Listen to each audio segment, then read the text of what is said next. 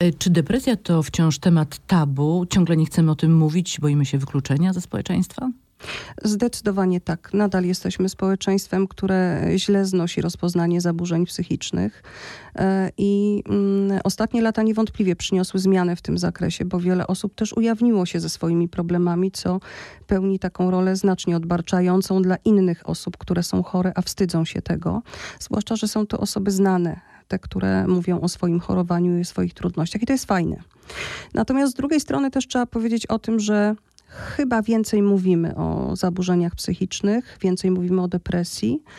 E, I to też powoduje, że jako społeczeństwo jesteśmy lepiej wyedukowani w tym zakresie. Co nie zmienia faktu, że nadal boimy się psychiatrów, boimy się psychologów i no, jest to taki temat, o którym niechętnie się opowiada w towarzystwie. Mm, tak, nie dzielimy się y, tymi informacjami z niektórymi osobami.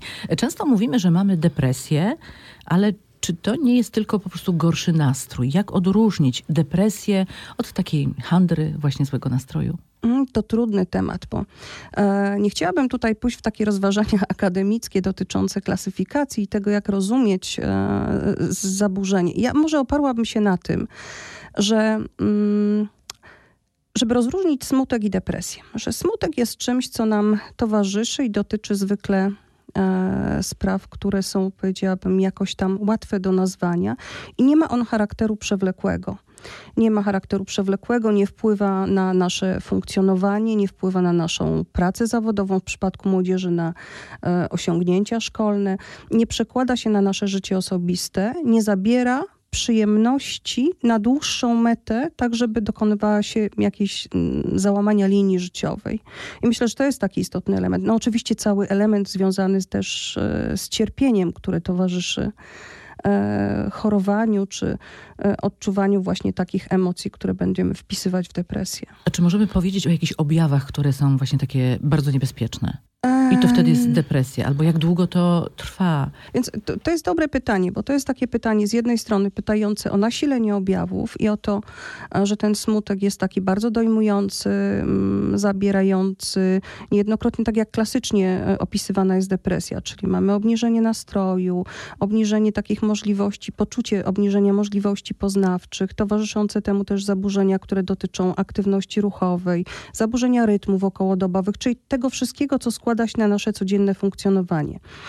I teraz, e, kiedy to jest niepokojące? Wtedy, kiedy na skutek nasilenia i przedłużania się tych objawów e, zaczynamy, przestajemy funkcjonować tak jak do tej pory. Nie czerpiemy radości z życia, tracimy te rzeczy, które do tej pory nam sprawiały przyjemność. Zaczynamy mieć tak zwany depresyjny światopogląd. E, zaczynamy różne rzeczy widzieć w kategoriach tych, które się nam nie udadzą. Niejednokrotnie towarzyszą temu myśli samobójcze czy myśli rezygnacyjne. E, czyli jakby dochodzimy do takiego momentu, że nasze życie przestaje mieć sens. I to, to jest ten moment, kiedy e, mhm. zaczyna nam się w realności i, że tak powiem, w umyśle wszystko nieco inaczej układać. A jak długo że... y, może to trwać? To kiedy, kiedy to jest właśnie bywa. groźne, jeżeli chodzi o czas? To zależy od człowieka. To, to różnie tak? bywa. Zależy od człowieka i zależy też od tego, jaki przebieg miała choroba, bo są e, no, u, u, części osób e, jest, jest, zwykle taki czynnik, który poprzedza e, wystąpienie e, objawów. Ja powiedziałabym to chorowanie takie, które jest zauważalne też dla otoczenia. Zresztą chyba teraz powiedziałam też o tym, co wydaje się być istotne, to znaczy reakcja otoczenia na to, co E, co się z nami dzieje, jeżeli mamy obniżenie nastroju. I zwykle otoczenie bardzo czujnie e, zauważa, że dokonują się jakieś zmiany, że, że jesteśmy tak. inni.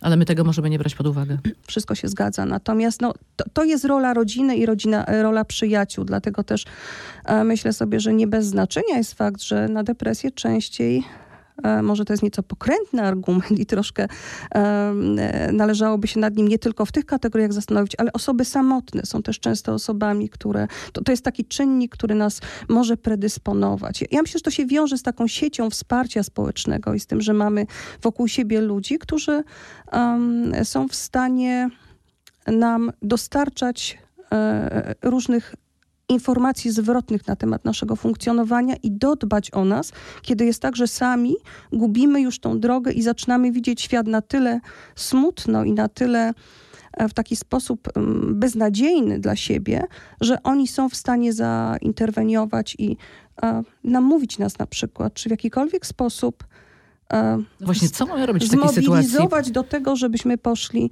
jeżeli nie chcemy do psychiatry, bo to już tak, prawda, iść do psychiatry, to już tak być ciężko chorym, ale pójść do psychologa. I rozumiem, że tam może się zacząć praca nad motywacją do tego, żeby podjąć leczenie. No i ja nie mówię o sytuacjach takich dramatycznych, kiedy jest tak, że ktoś ma myśli samobójcze, bo to w ogóle dla mnie jest sytuacja, w której bezwzględnie, tak? tak, i wtedy już bezwzględnie należy trafić do e, specjalisty. No a do czego może prowadzić nieleczona depresja? Oj, do tego, co powiedziałam przed chwilą, czyli do tego, że e, tak jak podają dane, 10 do 20% e, osób cierpiących na depresję e, niestety kończy próbą samobójstwem. I tutaj niestety to jest to, to rokowanie, które jest tym najgorszym i wcześniejsze działania służą temu, żeby, żebyśmy nie doszli do tego etapu, że choroba się tak rozwinie, że życie jest zagrożone. Na depresję częściej oprócz osób samotnych y, mówi się, że chorują kobiety. Jesteśmy słabsze od mężczyzn? Mm, to mogłabym powiedzieć tak. To w, w, takim układzie mężczyźni byliby od nas słabsi e, w innych zakresach. E, tu można przypisywać trochę może naszej grze hormonalnej, e, też mm, takie, a nie inne chorowanie. No, powiedziałabym, nie jest to wyraz naszej słabości, może wyraz większej emocjonalności, co zabrzmi trochę E, stereotypowo, bo tak stereotypowo kobiety są bardziej emocjonalne, ale to się też tak nie, przekłada, myślę, wprost. Że gdybyśmy właśnie, że jeżeli rozmawiamy o depresji, to tutaj um, można by się zastanawiać, na jaką depresję cierpią mężczyźni, a jaka depresja towarzyszy kobietom. I to jest taki temat, który byłby... Czy depresja y, u młodszych y, osób różni się od depresji u tych starszych? Czy łatwiej jest Mm, zastosować psychoterapię, czy, czy nawet właśnie leki, jeżeli chodzi y, o wiek nasz? Mhm. Czy to ma znaczenie? Rozmawiamy bardzo ogólnie na temat depresji, w związku z czym, żeby nie wchodzić w takie rozpoznania, które się klasyfikacyjnie gdzieś tam będą znajdywać swoje miejsce i mieć odpowiednie znaczki i numerki, ja bym powiedziała tak. Jeżeli chodzi o młodych ludzi, generalnie u nich depresja ma przebieg nietypowy i nawet się mówi o tak zwanej depresji młodzieńczej, która jest takim mm, wyrazem e, tak dojrzewania i adolescencyjnego układania sobie włas, widzenia samego siebie, widzenia w, w roli takiej społecznej, widzenia siebie też, e, siebie jako siebie fizycznie, poznawczo, ale też e, widzenia swojej przyszłości. I w tym zakresie ten okres takiej adolescencji jest takim, powiedziałabym, normatywnym kryzysem, który towarzyszy każdemu. I były robione takie badania, gdzie wyodrębniono trzy grupy e, osób, e, wśród młodych osób, e, trzy grupy, jeżeli chodzi o przebieg tutaj tego, nazwijmy to, dojrzewania i tego kryzysu takiego depresyjnego. I Jedna trzecia to była grupa, która była grupą, która miała ogromne trudności i z, towarzyszyły temu załamania życiowe. Generalnie powiedziałabym, że to była grupa, która sobie z tym nie poradziła.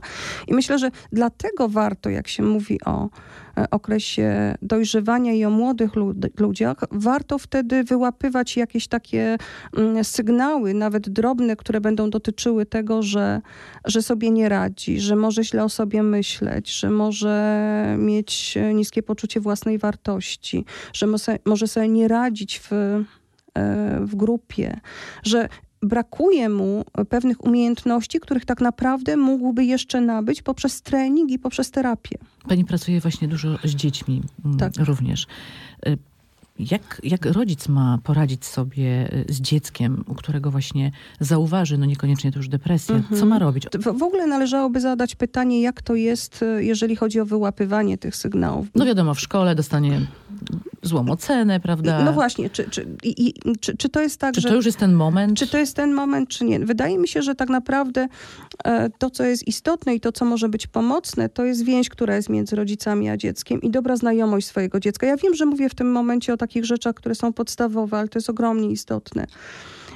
Dlatego że mm, no, tutaj znajomość młodego człowieka i tego, co dla niego może być trudnością, znając też jego wcześniejszą historię, no jest bezwzględnie taką, daje takie informacje, których specjalista czy ktoś, kto nie zna dokładnie dziecka, nie będzie, nie, nie, nie wysupła ich wśród naporu różnych informacji. Poza tym też ważne jest, jeżeli się patrzy na zmiany, które dokonują się u młodego człowieka, czy to jest depresja, czy to jest tylko może okres dojrzewania, czy to jest taka drażliwość, która się wpisuje w tak zwany okres buntu i naporu, prawda?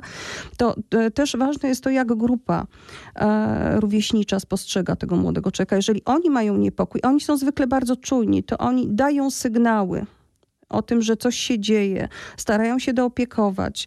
Ja niejednokrotnie spotkałam się z sytuacją, że rodzic przychodził po tym, jak uzyskał informację na przykład od najbliższej przyjaciółki, czy przyjaciela e, swojego dziecka z informacją o tym, że coś się działo niepokojącego, że jest bardziej smutny, że nie chce różnych rzeczy robić, że to są też takie A rzeczy, czy depresja które... zawsze się wiąże z tym, że jesteśmy nie. smutni? No właśnie, nie. chyba nie. Nie, no właśnie nie. I, I to jest coś, co bardzo widać, myślę, w tym okresie takim młodzieńczym, kiedy e, ten obraz depresji nie jest taki klasyczny, nie jest taki standardowy. To jest obraz, kiedy może być drażliwość, kiedy mogą być duże wahania nastroju, z taką tendencją do znacznych obniżek, do takich działań bardzo ekstremalnych, które e, no, mogą się różnie skończyć, czasami nawet w sposób niezamierzony. Natomiast towarzysząca dojrzewaniu też impulsywność daje twój, swój taki właśnie koloryt, że to jest takie wszystko nieprzewidywalne. Że jak jest smutek, to on jest taki do dna, a jak jest radość, to jest taka, że się unosi nad ziemią. I że to, to jest e, bardzo, powiedziałabym, tutaj często, tak jak pani mówi, trudno jest e, wyłapać ten moment, kiedy jeszcze to jest tak, że to jest coś, co jest normą i wiąże się z tymi wahaniami nastroju, które się wpisują w okres dojrzewania czy to jest może tak, że to już się zaczyna jakiś proces, który będzie miał Jakiś ciąg dalszy. Skutek, tak. Depresja nie zawsze, już mówiliśmy, y, y, objawia się tym smutkiem. Tak. Możemy się uśmiechać, y, postrzegani jesteśmy jako osoby optymistyczne w otoczeniu, mhm. a zupełnie coś że innego. Chowamy swój smutek chowamy... i pokrywamy go tak, taką no i radością jesteśmy... i ukrywamy no to przed innymi. Tak też być może, natomiast e, no, powiedziałabym, jeżeli ma się krąg osób bliskich, one teoretycznie powinny zauważyć zmianę. Powinny zauważyć, że zmienia się coś nie tylko w nastroju, w zachowaniu, w, takim, w, w, w takich prostych, codziennych czynnościach. To u dorosłych e, to często jest na przykład kwestia mm, braku zainteresowania dotychczasowym hobby, albo tym, że spada libido, albo tym, że nie ma się ochoty na, już w takich ekstremalnych sytuacjach do podejmowania takich aktywności codziennych typu, typu że nie chce mi się zadbać o siebie prawda? To, to, to, że, że to widać nawet na zewnątrz, że coś się dzieje. To jeszcze proszę mi powiedzieć, jak y, znaleźć dobrego psychoterapeutę? Bo powiedzmy na początek do tego psychoterapeuty czy do psychologa byśmy y, mhm. chcieli pójść.